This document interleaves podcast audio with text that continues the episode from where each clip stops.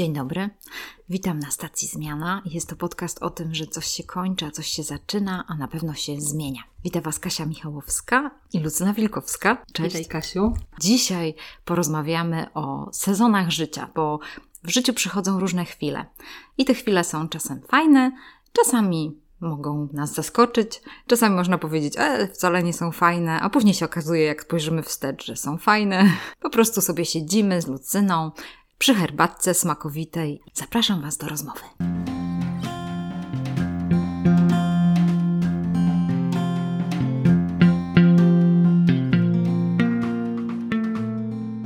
Naprawdę aż ciężko mi zacząć, żeby w jakiś sposób Ciebie opowiedzieć, ze względu na to, że znam Cię długie lata i wiem, że jesteś kobietą wizji, pasji, ale przede wszystkim tak myślę, że w Tobie tkwi taka artystyczna dusza i bym powiedziała, że ten taki Twój artyzm i takie odbieranie piękna świata to jest jakimś takim Twoim kształtem, że za każdym razem, kiedy z Tobą przebywam, to Twoimi oczami chcę patrzeć na rzeczywistość i myślę sobie o tym, że doceniam piękno rzeczywistości. Wiem, że tak było, że też jako młoda osoba, kiedy byłaś nastolatką, ty jakoś to odkryłaś, że taką twoją pasją jest malarstwo, jest rzeźba, jest piękno świata, żeby jakoś to umieścić w jakichś takich artystycznych wyrażeniach. Chciałam właśnie cię zapytać, jak to się stało i gdzie ty się wyedukowałaś, jeżeli chodzi o ten, o ten zakres twojej twórczości?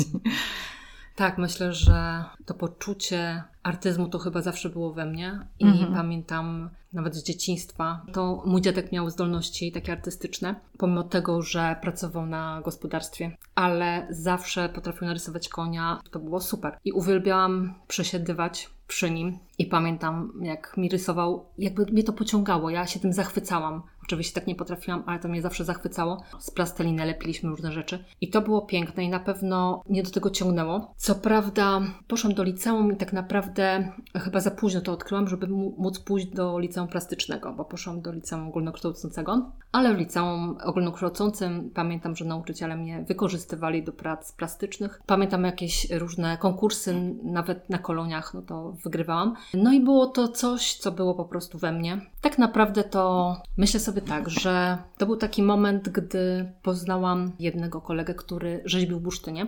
Widziałam, że sprawia mi to no, po prostu łatwość. Wiedziałam, że, że jest to coś, co mogłabym robić, więc byłam jego pierwszym pracownikiem. Wychodziło mi to z jakąś taką łatwością, chociaż nie była to jakaś taka praca, która by mnie tak bardzo pochłonęła, dlatego że to była taka bardziej praca odtwórcza. A, no i tak, przede wszystkim to jestem żoną i matką czwórki dzieci. I tak naprawdę, gdy urodziłam dzieci, to pamiętam, że pomimo tego, że prac domowych było bardzo dużo, ja musiałam coś tworzyć.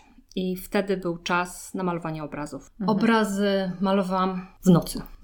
Wtedy, gdy była cisza, spokój, to ja mogłam tworzyć. I to było coś takiego, co dodawało mi jakiejś takiej weny, że mogłam dalej coś działać kolejnego dnia. Mhm. I to było na pewno bardzo potrzebne.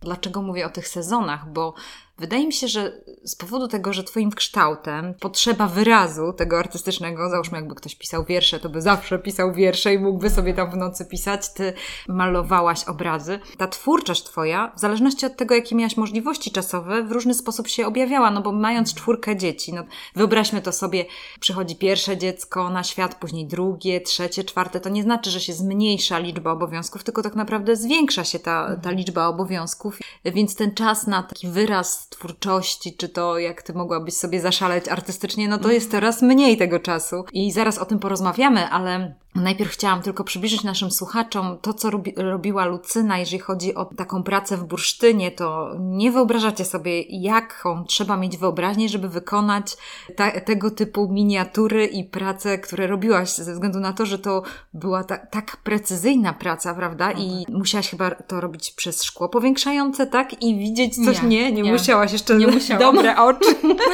Czy to sobie wyobrażacie, że na przykład trzeba by było odtworzyć róże, ale od tyłu, to tak sobie to mhm. wyobrażam, to, to było niesamowite i zrobiłaś tak wiele, wiele tych prac, a masz jeszcze tak. jakieś takie swoje, które zostawiałaś sobie takie ulubione, o, tak, tak? Tak, oczywiście, tak, mam takie na pamiątkę, chociaż y, bursztyn nigdy nie, no, nie należy do mnie, tak, jako mm -hmm. biżuteria, ale to jest mega trudne, to znaczy chodzi mi o to, że to trzeba mieć ogromną cierpliwość i też takie wyczucie, bo tak naprawdę to jakby ten projekt to miałam w głowie. Tam liczyły się milimetry, więc wykonanie na przykład w kamei, która ma źrenicę, ma brew, ma rzęsę i to są milimetry tak naprawdę. Trzeba było naprawdę bardzo dużej uwagi i to bardzo było obciążające, jeśli chodzi o, o takie napięcia tutaj w barkach. W barkach. Mm -hmm. Ogromne napięcie, no bo to pewne rzeczy się robiło na bezdechu. Ale przychodziło mi to z łatwością. To A ile prostu... lat pracowałaś w taki sposób? 13 lat. 13 lat. Się tym I zajmowałam. I wykształtowałaś sobie te mięśnie ręki, że masz tak rękę precyzyjną, że, że możesz naprawdę namalować mega malutkie rzeczy nawet, prawda? Że to jest takie niezwykłe, że to tak się wyrabia. Tak, mhm. to prawda. Na przykład teraz jak zajmuję się ceramiką, to mhm. niektórzy uważają, że wykonanie kolczyków, który ma na przykład centymetr, że to są drobinki. Dla mnie to są ogromne jakby wielkości, tak? Bo tam były milimetry, wręcz ułamki milimetrów. Co dopiero centymetr to jest bardzo dużo. Mam, mam nadzieję, że będziemy mogły pokazać Twoje prace gdzieś. One są, rozumiem, w internecie, że można by było tak, je pokazać jasne. naszym słuchaczom, bo jak zobaczycie i klikniecie sobie w ten link, no będziecie zadziwieni, że można wykonywać tego rodzaju maluteńkie rzeczy. No ale Lucyna, no życie jest życie, ta artystyczna Twoja dusza tam wrzała, no ale przychodziły dzieci. Ten taki sezon życia, który przychodzi, przychodzi na mamę mm, i tak. po prostu to, że ty no, musisz w jakiś sposób sobie zagospodarować tą przestrzeń. No jak to było, powiedz? Jak to było, jak przyszła pierwsza córka, później druga, -hmm. trzecia i syn? Jak to tak. wyglądało? To wyglądało tak, że gdy urodziłam pierwszą córkę i drugą, to jeszcze pracowałam. W momencie, gdy urodziłam trzecią córkę, a dziewczyny starsze chodziły do szkoły muzycznej, to już nie było takiej jakby możliwości, dlatego że stwierdziliśmy razem, że z mężem, że no to jest czas, żeby poświęcić tutaj się dzieciom. No i tak sobie myślę, że, no, że to był dla mnie piękny czas, naprawdę piękny i cieszę się, jak teraz patrzę na dzieci, że coś osiągnęły i wiem, że to jest owocem tej mojej pracy. Mhm. Więc cieszę się, że miałam taką możliwość bycia z nimi. I pamiętam, jak już e, czasami trochę myślałam o pracy, to dziewczynki mówiły: Nie, nie, mamo, nie, proszę cię, zostań w domu, bo one im było na pewno z tym wygodnie i dobrze. Ale też było bardzo dużo pracy, bo to wyglądało tak, że dziewczyny przychodziły z jednej szkoły, musiały szybko dostać obiad, trzeba było zawieźć dziewczyny do szkoły muzycznej, więc Pracy było naprawdę dużo, ale warto było. Na mhm. pewno warto.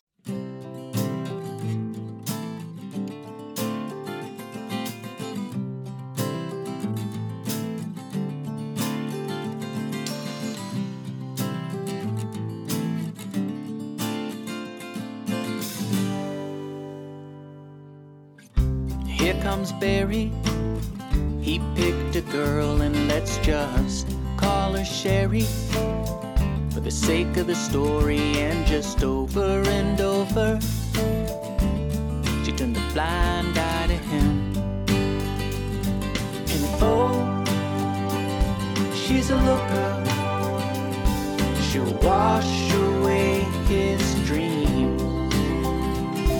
But Barry, he's awkward in the way he's always Very. Ale wiesz co, Lucyna, tak y, mówisz o tym lekko, ale jak ja ciebie znam, to ty jesteś kobieta czynu i w domu to ty nie usiedzisz na tyłku, jak to mawiają. I to tak się wydaje, że to takie decyzje. O, jak miała dwoje dzieci, to jeszcze pracowała. Hello, dwie dziewczynki i, i to takie rezolutne dziewczynki. Dobra, no to już wymiękłaś przy trzeciej, ale jednak takie decyzje to nie były łatwe, żeby po, tak podjąć, że jednak rezygnujesz z pracy i zajmujesz się domem, nie? To, to tak nie było ci łatwo z tym. No nie było łatwo, e, tym bardziej, że bardzo dużo kobiet mhm. w, tych, w tym czasie teraz pracuje. No właśnie. I ty I... taka kura domowa. Siedzi. Tak, dokładnie. No. Dokładnie tak. Ale ja myślę, że to była, ja nie wiem, no, poczucie takiej misji. Mhm. Ja po mhm. prostu czułam, że na każde dziecko się decydowałam i chciałam im dać to, co najlepsze. Więc e, może to nie było łatwe, ale one mi dawały tyle radości i tyle spełnienia, że okej, okay, się pogodziłam z tym i że naprawdę było to czymś pięknym. Na pewno pojawiły się trudy i problemiki, mm -hmm. gdy się okazało, że, że Amelka, najmłodsza córka, ma celiakię. W tym czasie też przyszedł na świat nasze czwarte dziecko, Olek. Mhm. No i okazało się, gdy on miał 3 miesiące, że ma bardzo silną alergię, atopowe zapalenie skóry. No i to był przełom. No właśnie, właśnie, bo to jest ciężko być mamą czwórki dzieci i jeszcze dwoje dzieci ma przewlekłą chorobę. To mhm. jest trudne. Mhm. Tak, i to był taki no, strzał. Mhm. Mm, było to bardzo ciężkie, niewyobrażalnie ciężkie, dlatego że, że zajmowanie się zdrowymi dziećmi to jest po prostu przyjemność. Ale w momencie, gdy, gdy przez 2,5 roku, nawet przeszło 2,5 roku, nie przespałam żadnej nocy z Olkiem, mhm. no to już mhm. nie było tak kolorowo. Wiem, że w tym czasie to nie byłam za bardzo mamą dla dziewczynek, bo byłam bardzo zmęczona. Nie było łatwo. Mhm. Wtedy się zaczęły problemy. A co, co rozumiesz pod tym, że, że to był strzał? W sensie takim, że mhm. to jest już za tobą, bo jakoś to sobie poukładałaś. Jak to zmieniło to twoje życie? I te twoje wyobrażenia, że nie tak miało być. Mhm. Diagnoza, którą postawili lekarze, że Amelka ma celiakię, mhm. mm, zaczęłam czytać o tej celiaki, to stwierdziłam, że to jest niemożliwe w ogóle, żeby moje dziecko ma taką chorobę. Mhm.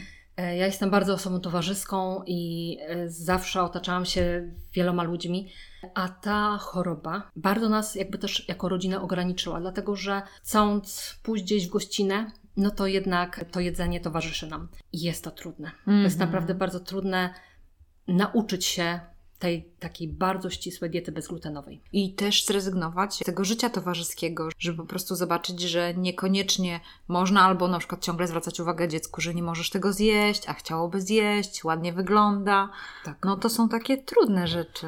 To mhm. było bardzo trudne, no ale w zasadzie dlatego, że to się zbiegło z taką chorobą też Olka mhm. i to zostałam wyłączona z życia towarzyskiego. O. Co nie było dla mnie jakby łatwe i przyjemne. Te dwie choroby mnie bardzo ograniczyły. Ciężka sprawa to, że się wyłącza z życia towarzyskiego, to zabiera ci tą energię, że po prostu nie masz tego, co cię ładuje. Bo y, mhm. jeżeli nas słuchają teraz introwertycy, to na pewno tak jest, że jeżeli się jest introwertykiem, to introwertyk zawsze nabiera energii w domu. I ja naprawdę no. bardzo zazdroszczę introwertykom, że oni po prostu mogą sobie siedzieć w domu i najlepiej się czują we własnym towarzystwie. Ale jeżeli się jest ekstrawertyczkami, tak jak my z Lucyną, no to my uwielbiamy te herbatki, kawki, gadu-gadu, rozmowy rozmowy i wtedy ładujemy te swoje bateryjki. Taki miałaś przymusowy detoks y, towarzyski. Jak to w ogóle było? Jak sobie poradziłaś? Oj, e, nie było za dużo czasu nawet na rozmowy nie było. telefoniczne, mm -hmm. dlatego że po takiej nieprzespanej nocy, gdy, jeśli coś trwa przeszło 2,5 roku. No właśnie. No to było takie ogromne zmęczenie, że w zasadzie to wykonywałam jakieś czynności, które musiałam zrobić w ciągu dnia. Mm -hmm. Nie miałam tego czasu, żeby się położyć żeby się przespać. E, pamiętam, jak moja mama przychodziła i zabierała Olka na spacery, żebym ja mogła spokojnie coś zro zrobić w domu. Był to bardzo trudny czas. W tamtym momencie w ogóle totalnie nie myślałam o tym, co ja bym chciała. Ja chciałam w zasadzie przetrwać każdy dzień, żeby tylko obudzić się i żeby już tego nie było. Mhm. Żeby nie było tych doświadczeń takich. A jak patrzysz na to wstecz, to widzisz w ogóle jakieś, nie wiem, lekcje z tego? Głupio tak pytać, nie? Ale no nie wiem, czy tak jest. Czy to w ogóle było takie bez sensu? Nie, no na pewno y, uczyło mnie cierpliwości i pewnie uczyło mnie tego, żeby żeby zaufać Bogu, żebym mhm. wiedziała, że jestem w stanie to przetrwać. Mhm. Że po coś to się dzieje. Nie za bardzo rozumiałam i szczerze mówiąc nie rozumiem do tej pory. No właśnie. Nie rozumiem. No, ja nie, nie rozumiem, dlaczego moje dziecko musiało tak cierpieć, bo w nocy on, on się drapał, swędziało go całe ciało. Tak. Więc było to bardzo trudne. I w momencie, jeśli się patrzy na dziecko i nie można mu pomóc, to po prostu ogarnia cię no, taka beznadzieja, tak. rozpacz. Tak. Mhm. Więc póki co jeszcze tego nie rozumiem, mam nadzieję, że kiedyś to zrozumiem. Też mam taką nadzieję. Na tą chwilę nie rozumiem. Mhm. Mam nadzieję, że kiedyś to zrozumiem. Kiedyś tak. może wyciągnę z tego jakieś wnioski. Na tą chwilę bo to było bardzo ciężkim doświadczeniem. Teraz myślę sobie tylko, Lucyna, że jak o tym rozmawiamy, to z pewnością, jeżeli kto, jakaś mama nas słucha, która przechodzi przez taki etap, może to być dla niej pomocne, że, że druga kobieta też przeszła przez taki etap. Na pewno to jest mhm. takie coś, społeczna opowieść, która jest potrzebna nam, że my czasami mhm. szukamy tych opowieści, które są podobne do naszego życia i że nie jesteśmy sami i że sami nie przechodziliśmy tylko przez to doświadczenie, więc na pewno to jest coś, co pomaga, ale ogólnie no, nie ma odpowiedzi. Jakoś nawet ciężko nawet zadać pytanie dlaczego. Nie? Tylko dodam, że nie tylko tyle, że Olek miał topowe zapalenie skóry, ale tutaj miał mnóstwo alergii No pokarmowych. Mhm. które były zagrożeniem życia. Życia. Jakby to się zbiegło celiakia, to trzeba było bardzo uważać na wykonywanie tych posiłków, a u Olka było to bardzo trudne, żeby w ogóle zdiagnozować, co go najbardziej uczula. No właśnie. Ale powoli, powoli, Mhm. tak, dochodziliśmy do tego, co go uczula. Było tych czynników bardzo dużo. To się w naprawdę. ogóle nazywa, to co mówisz, to się nazywa Odyseja diagnostyczna. Gdy rozmawiałam z Tomkiem Grybkiem, on właśnie opowiadał o niepełnosprawności swego syna, bo, bohater Borys, i on właśnie mówił o tym, że bardzo często rodzice przechodzą przez tą Odyseję diagnostyczną. I Odyseja, dlatego, że to jest tak jak wiesz, jak ścieżka, gdzie chodzisz od lekarza do lekarza, Mhm. ciągle jesteś w poczuciu beznadziei, braku informacji, nie wiesz co się dzieje, lęku przed tym, że to dziecko straci życie. Bardzo, bardzo długi proces. Pytanie, nie? Czy my w ogóle jesteśmy na to przygotowani? Czy mamy wsparcie?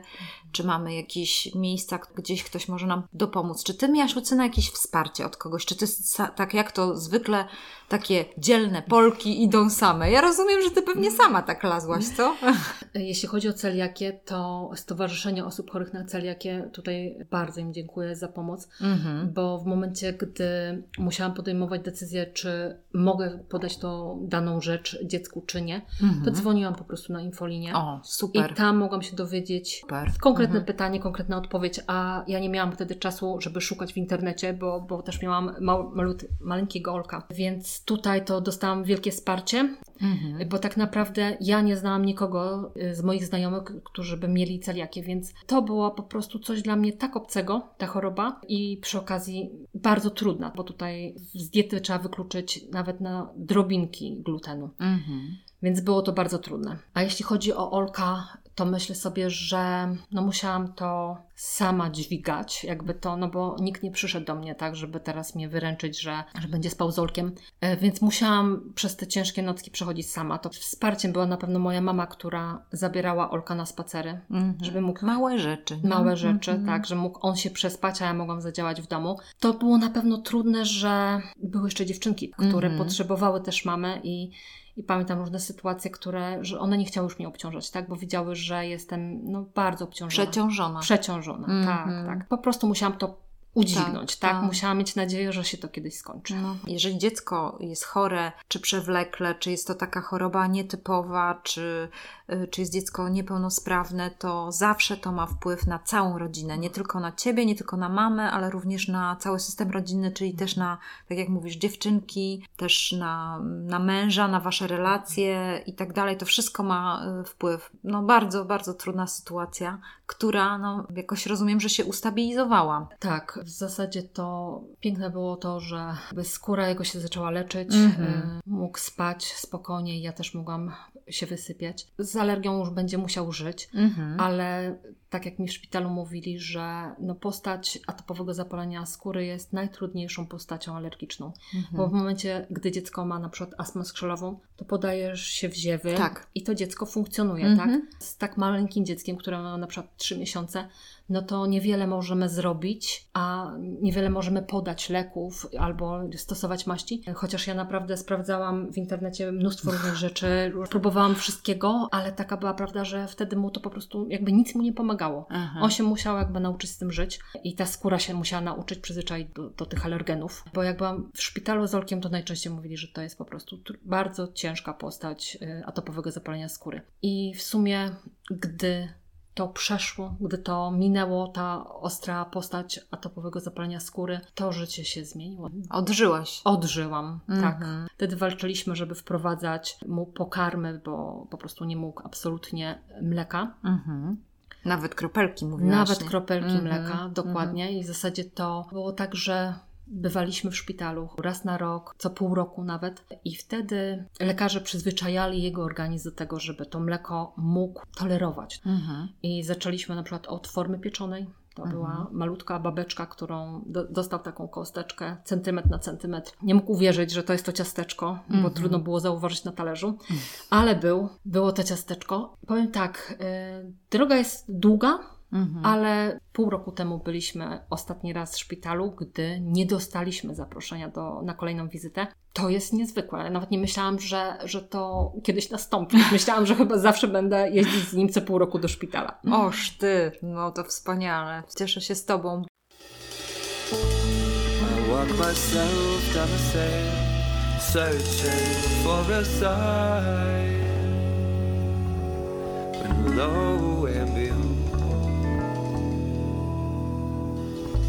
there on the beach did I see your footprints next to mine. But you just gave me back my kiss. Said I'll pray for you. God damn it, I don't want no cosmic solicitor. I'm just trying to fall in love. But some blue boy with the famous dad already got her. Now you're telling me the JHC took my baby away. Why you trying to be born again when you turned out so good the first time? Why you trying to be heavenly when all I got is sin on my mind? Yeah, I'm trying to be good, saying my prayers. I turn around, ain't nobody there. I'm trying to be safe, but you ain't safe for me.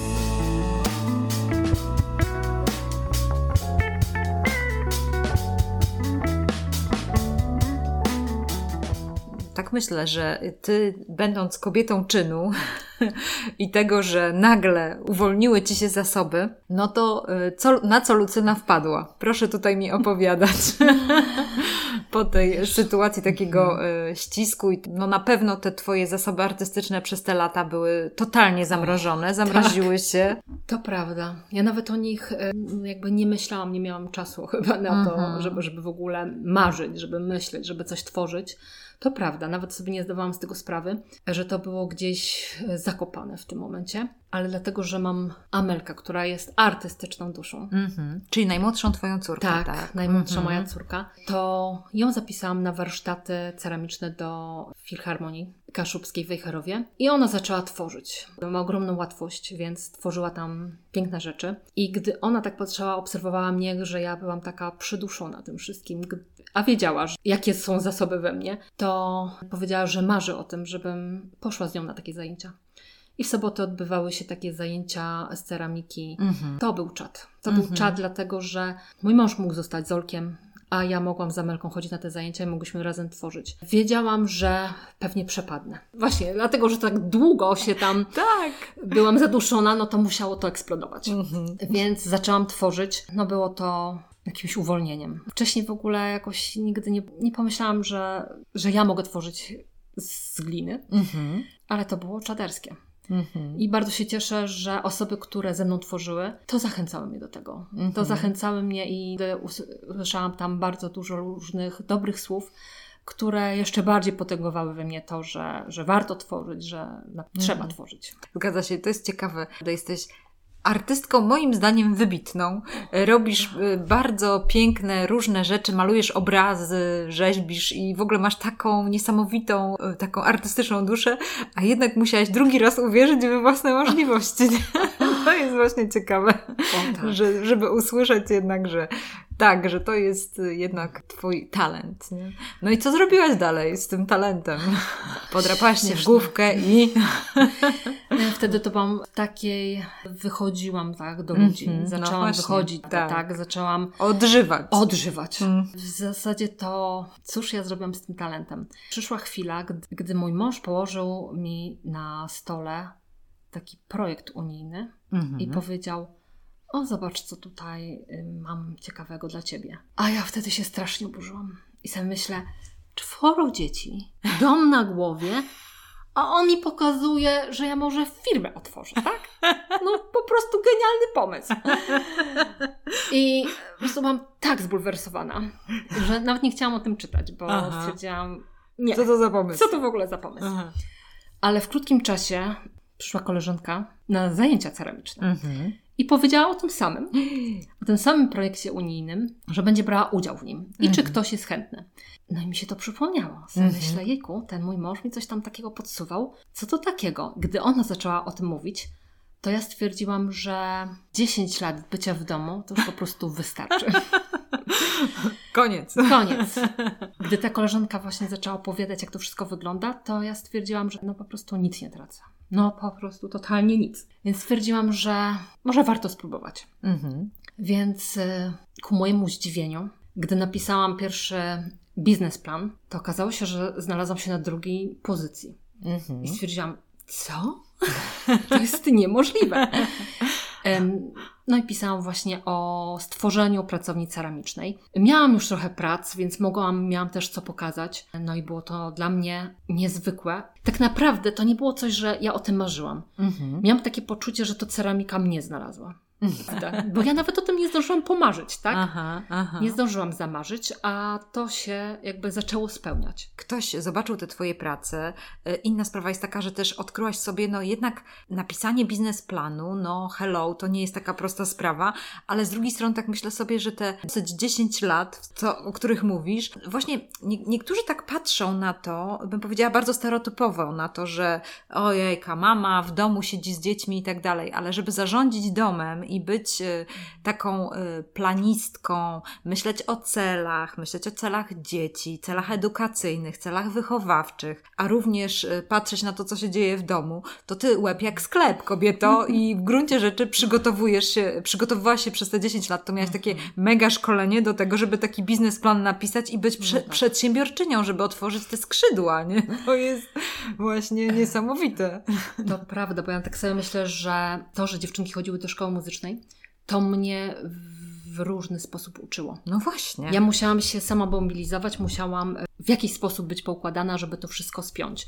Więc to była dla mnie szkoła życia. To na pewno. Te 10 lat na pewno nie były jakby stracone, nawet Mhm. dla mnie. Inne rzeczy mogłam wykształtować w sobie. I to Mhm. było świetne. Fajne, co mówisz, bo czasami ktoś myśli, że utk- utknął w czarnej denie, jak to Mhm. mówią, czarna dziura, siedzę, nic nie robię i to niestety ten kłopot jest taki, że to dopiero widać, jak, się, jak te kropki się połączy, patrząc do tyłu, nie? Że, że widzisz, że faktycznie jakieś umiejętności wykształcałem, nie wiem, cierpliwość, Mhm. wytrwałość, y, rzetelność, nie wiem, tak. planowanie y, i tak dalej. To są takie różne rzeczy, które w nas y, kwitną. E, Na pewno sobie nie wyobrażam mieć własną działalność e, Wcześniej, nie? wcześniej. Mhm, Po prostu sobie mhm. tego nie wyobrażam. No tak? właśnie. A tutaj już byłam już jakoś ukształtowana. Dzieci mnie też kształtowały, więc dużo we mnie zmian zaszło. Mhm.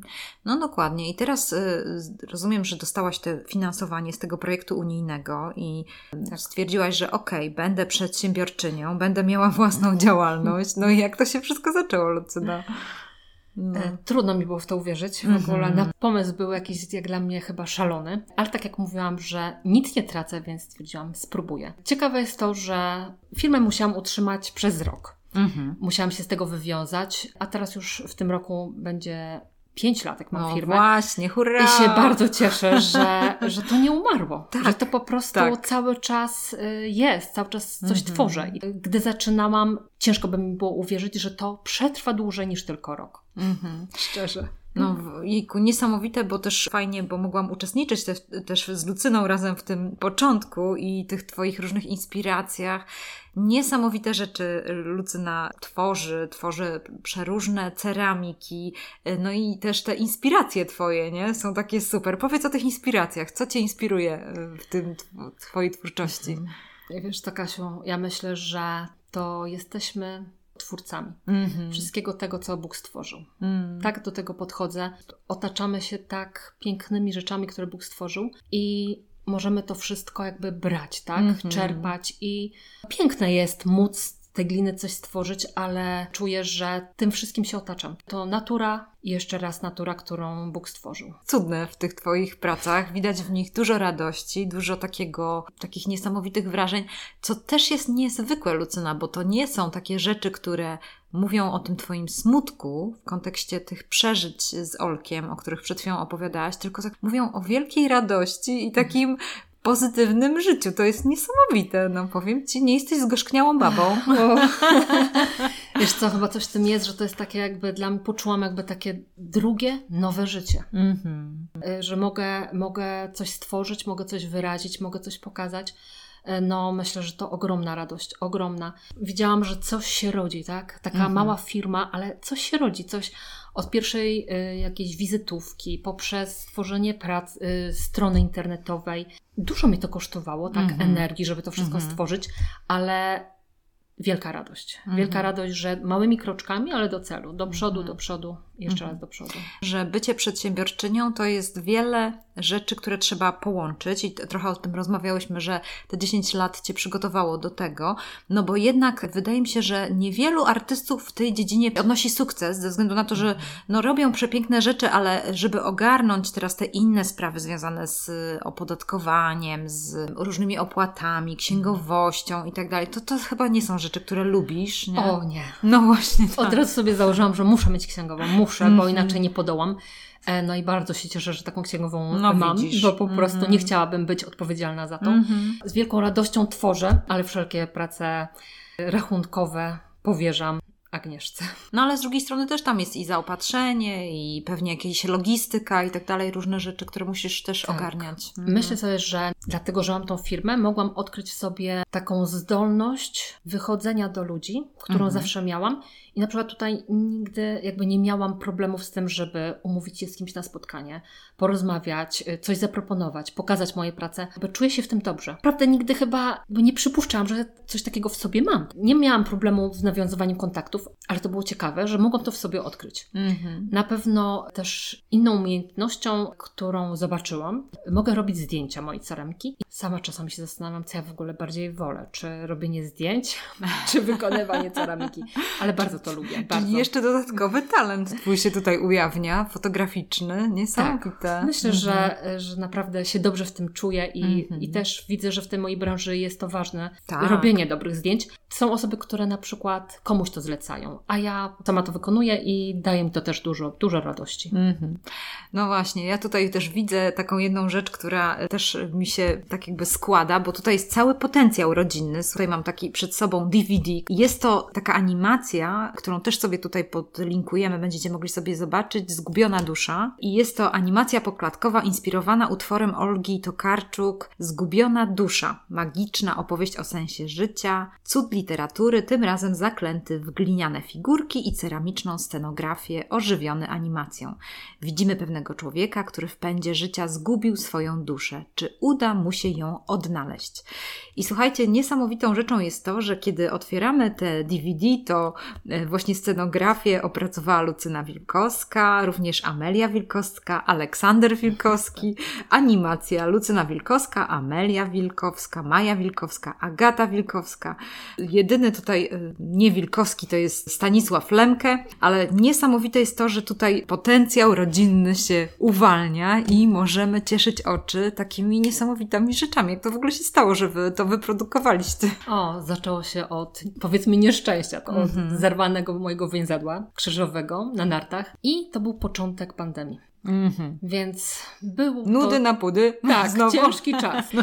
Ale stwierdziłam, że po prostu trzeba coś zrobić, trzeba działać. Nie można, nie może być tak, żebyśmy nie tworzyli. No i zaangażowałam całą rodzinę do tego, żebyśmy stworzyli film. W zasadzie dostałam taką e, propozycję od Jolanty Sierpińskiej, która jest opiekunem właśnie akcji animacji ze szkoły ze Szczecinka. Mhm. To ona właśnie dała nam taką propozycję, że możemy coś takiego razem stworzyć. Zapytała najpierw Olgi Tokarczuk, czy możemy, tak w ogóle, czy, czy zgodzi się Olga Tokarczuk na wykorzystanie tego opowiadania, czy możemy stworzyć do jej opowiadania film. Olga Tokarczuk się zgodziła. Y, Maciej Lemke napisał scenariusz. I gdy dostałam ten scenariusz, to już wiedziałam, że jest szansa, że można to zrobić. Propozycja była taka, żeby zrobić ten film z elementami ceramiki, ale ja stwierdziłam, że trzeba iść na całość i trzeba zrobić to jak najwięcej, ile się tylko da. Więc tak naprawdę stworzyliśmy praktycznie wszystko z ceramiki. Były tylko malowane tła i to było wszystko, więc dzieci zaangażowałam do tego. Olek robił jakieś małe ludziki, które się poruszały na mieście. Każdy mógł coś stworzyć. Mhm. Szybko nam to, że tak powiem, poszło i to było ciekawe, że każdej kolejnej nocy wymyślałam sobie kolejną scenę. Cieszyłam się, że idzie mi to z taką łatwością, że po prostu e, najpierw stworzyłam głównego bohatera Jana, i lekarkę, więc było bardzo dużo pracy przy tym. Mm -hmm, mm -hmm. I w zasadzie nigdy się na przykład larkarstwem nie zajmowałam, mm -hmm. ale nie było to dla mnie problemu, żeby coś takiego stworzyć, żeby stworzyć jakieś małe lalki ceramiczne. Mhm. Więc y, naprawdę było to dla mnie odkrywcze i cieszyłam się, że dzieci mogę w to wciągnąć, że tak. czas pandemii nie oznaczał, że teraz będziemy leżeć na kanapie. Nawet uszkodzona noga e, nic tutaj nie przeszkadzała, a wręcz przeciwnie. To, że byliśmy razem w domu, to można było to mhm. wykorzystać. Mhm to było ekstra. Fajny czas. Jestem ciekawa, co będzie, jak następnym razem się taka sytuacja wydarzy. Jakiś artystyczny projekt się zaangażujesz. A gdzie to nagraliście? W jakim studiu? Gdzie? Y, tutaj w domu? Czy studio jakieś profesjonalne Was zaprosiło? Nie, to było tak, że Maciek ze Stasiem, mhm. właśnie uczniowie szkoły ze Szczecinka, mhm. przyjechali do mnie do pracowni. I tam to, co stworzyliśmy, tą całą scenografię, to tam w ciągu dwóch dni nagraliśmy film. Pamiętam, że cieszyłam się jak dziecko, jak zobaczyłam, że te ludziki ożyły. Tak. Po prostu cieszyłam się jak dziecko naprawdę, Aha. gdy to zobaczyłam, jak to wygląda. Niezwykłe, niezwykłe uczucie i dało nam to naprawdę dużo dużo radości wszystkim tak mhm. naprawdę. Mm -hmm. Bardzo fajne. Zachęcamy Was do tego, żeby zobaczyć ten e, filmik i cieszyć się razem z nami i obejrzeć też tą historię Zagubiona Dusza, bo ona ożyła, ta historia Olgi Tokarczuk. Fajnie, że mogliście to przenieść, bo chyba nikt nie wpadł na taki pomysł wcześniej. No. Ciekawe jest też to, że zdobywaliśmy różne nagrody o, tym filmem proszę. w kraju i za granicą, mm -hmm. także różne wyróżnienia, drugie miejsce. Też ten film był pokazany w włoskiej telewizji, więc to taka radocha, no radocha no pewnie, wielka. Super. Tak. To jest właśnie potencjał rodziny, że wykorzystanie potencjału rodziny i to też jest Twoja mocna strona, że angażujesz innych, kochasz rodzinę, ich włączasz w to i się razem cieszycie, razem coś budujecie i robicie. Patrząc na Twoje życie wstecz, czyli takie mamy, tak jak mówię, te, te sezony życia, czyli mhm. sezon tego kształtowania, ciebie jako artystki, młodej artystki, dziewczynki, później takiej mamy, która jeszcze gdzieś tam próbowała chwytać y, małe rzeczy artystycznie, żeby robić coś i ciągle to nie umarło i w końcu coś tam umarło i z tego się coś innego zupełnie narodziło, że ten sezon życia, gdzie tego nie było, a teraz mhm. nagle się rozwinęło, to jest niesamowite. No. Znaczy mnie to też jakby tak naprawdę zaskoczyło. Mm -hmm, to mm jest ciekawe, że różne mamy zdolności w sobie, które cały czas możemy odkrywać, odkupywać. Mm-hmm. Jest, to, mm-hmm. jest to niezwykłe. Też mam tak, taką myśl właśnie w kontekście tych takich pierwszych młodzieńczych naszych prób rozwijania jakichś swoich pasji, że czasami może się okazać, że w następnym sezonie życia, bo teraz jesteś w takim sezonie życia y, rozkwitu Twojego potencjału, bo tak naprawdę ten potencjał tak teoretycznie rozwija się dopiero po 60 taki w pełni, o. kto taki rozwinięty, więc jeszcze przed tobą, ale to jest już takie miejsce dojrzewania, miejsce dojrzewania ciebie, jego w pełni potencjału, który jest taki oszlifowany. I właśnie to jest fajne, żeby czasami wrócić i zastanowić się, co nas właśnie kiedyś kręciło, jak byliśmy mhm. młodzi, bo czasami może się okazać, że to wraca do nas w postaci takiego diamentu, który jest już oszlifowany różnymi doświadczeniami życiowymi i, i zupełnie, zupełnie inaczej wygląda. Więc ja mam takie wrażenie, że to tak wygląda u Ciebie w tych, w tych sezonach i tych różnych radosnych i smutnych chwilach. Czy tak jest? Tak, to no. widzę, że, że jest to spójne, to co mówisz. To prawda. Myślę, że tutaj, gdy teraz mogę się realizować, gdy mogę mogę tworzyć tak mhm. dla ludzi, no, sprawia mi to ogromną radość. Powiem tak, że y, przebywanie z ludźmi, przebywanie z tymi klientami, którzy dają mi tyle dobra. Mhm. To dobre słowo, które się usłyszy, no to jest na wagę złota. Mhm. To zadowolenie i ten klient, który wraca, no to jest cudowne. Więc bardzo mnie to cieszy. Na pewno dobrze się czuję w tym, tworzeniu przestrzeni, projektowaniu wnętrz. To jest coś, co chyba daje mi na taką największą radość, gdy Mhm. mogę zaprojektować jakieś wnętrza, mogę namalować obrazy, ale też mogę wpleść elementy ceramiki. Że to jest dla mnie fascynujące. Mhm. Czyli będziesz rozwijała się dalej, rozumiem, że masz jakiś taki projekt przyszłości, to co może będzie w Twoich pomysłach realizacyjnych, to co się będzie działo. Czy dobrze to rozumiem? Myślę, Mhm. że tak. Mhm. Tych takich miejsc Mhm. jest bardzo dużo. Bardzo szeroko można patrzeć na ceramikę. Mhm. Ja mam takie poczucie, że tworzę bardzo dużo różnych rzeczy. Od Mhm. biżuterii poprzez jakieś elementy ozdobne. Od roku toczę na kole garcarskim. Ten kubek, z którego pijesz, to O, jest przeze mnie wytoczony Mhm. i pomalowany, poszkliwiony. I, I tak myślę sobie, że jest bardzo dużo możliwości. Ja poszukuję tego, gdzie bym mogła być, w co bym mogła może tak najbardziej uderzyć. Na pewno czuję się dobrze w tym takim projektowaniu w przestrzeni. To jest. No, uwielbiam te spotkania z ludźmi, Mhm. gdy mogę zaprojektować do jakichś domów czasowych, ozdobić te domy wczasowe. Mhm. To jest coś, co mnie kręci. Mhm. No fajnie, fajnie. No jest jeszcze dużo, dużo y, miejsc do zagospodarowania przez Ciebie. Wierzę w to, że będziesz rozwijać skrzydła, bo jak tutaj siedzę, wiecie, piję z tego kubka y, zrobionego przez Lucynkę, to widzę te skrzydła, które tutaj się rozwijają.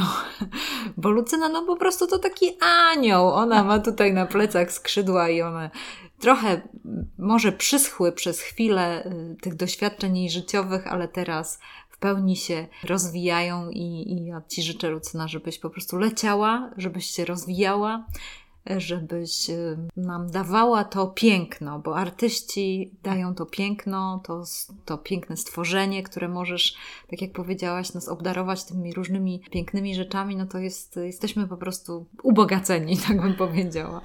E, Dziękuję, Kasiu. I tak sobie pomyślałam, że chciałabym tutaj opowiedzieć inną historię, którą Mhm. miałam przyjemność doświadczyć e, Mhm. z trzema wspaniałymi kobietami. Któregoś razu, gdy sprzedawałam moją ceramikę, podeszły do mojego stanowiska. To była babcia, córka i ma- mama. I to było bardzo ciekawe, że babci się bardzo spodobał e, jeden talerz mój. I gdy z tobą zaczęłyśmy sobie rozmawiać, rozmawiałyśmy, rozmawiałyśmy, no akurat to był najdroższy talerz w moim wykonaniu. Niezwykłe było to, że ta babcia bardzo, było widać, że jej się bardzo ten talerz podoba.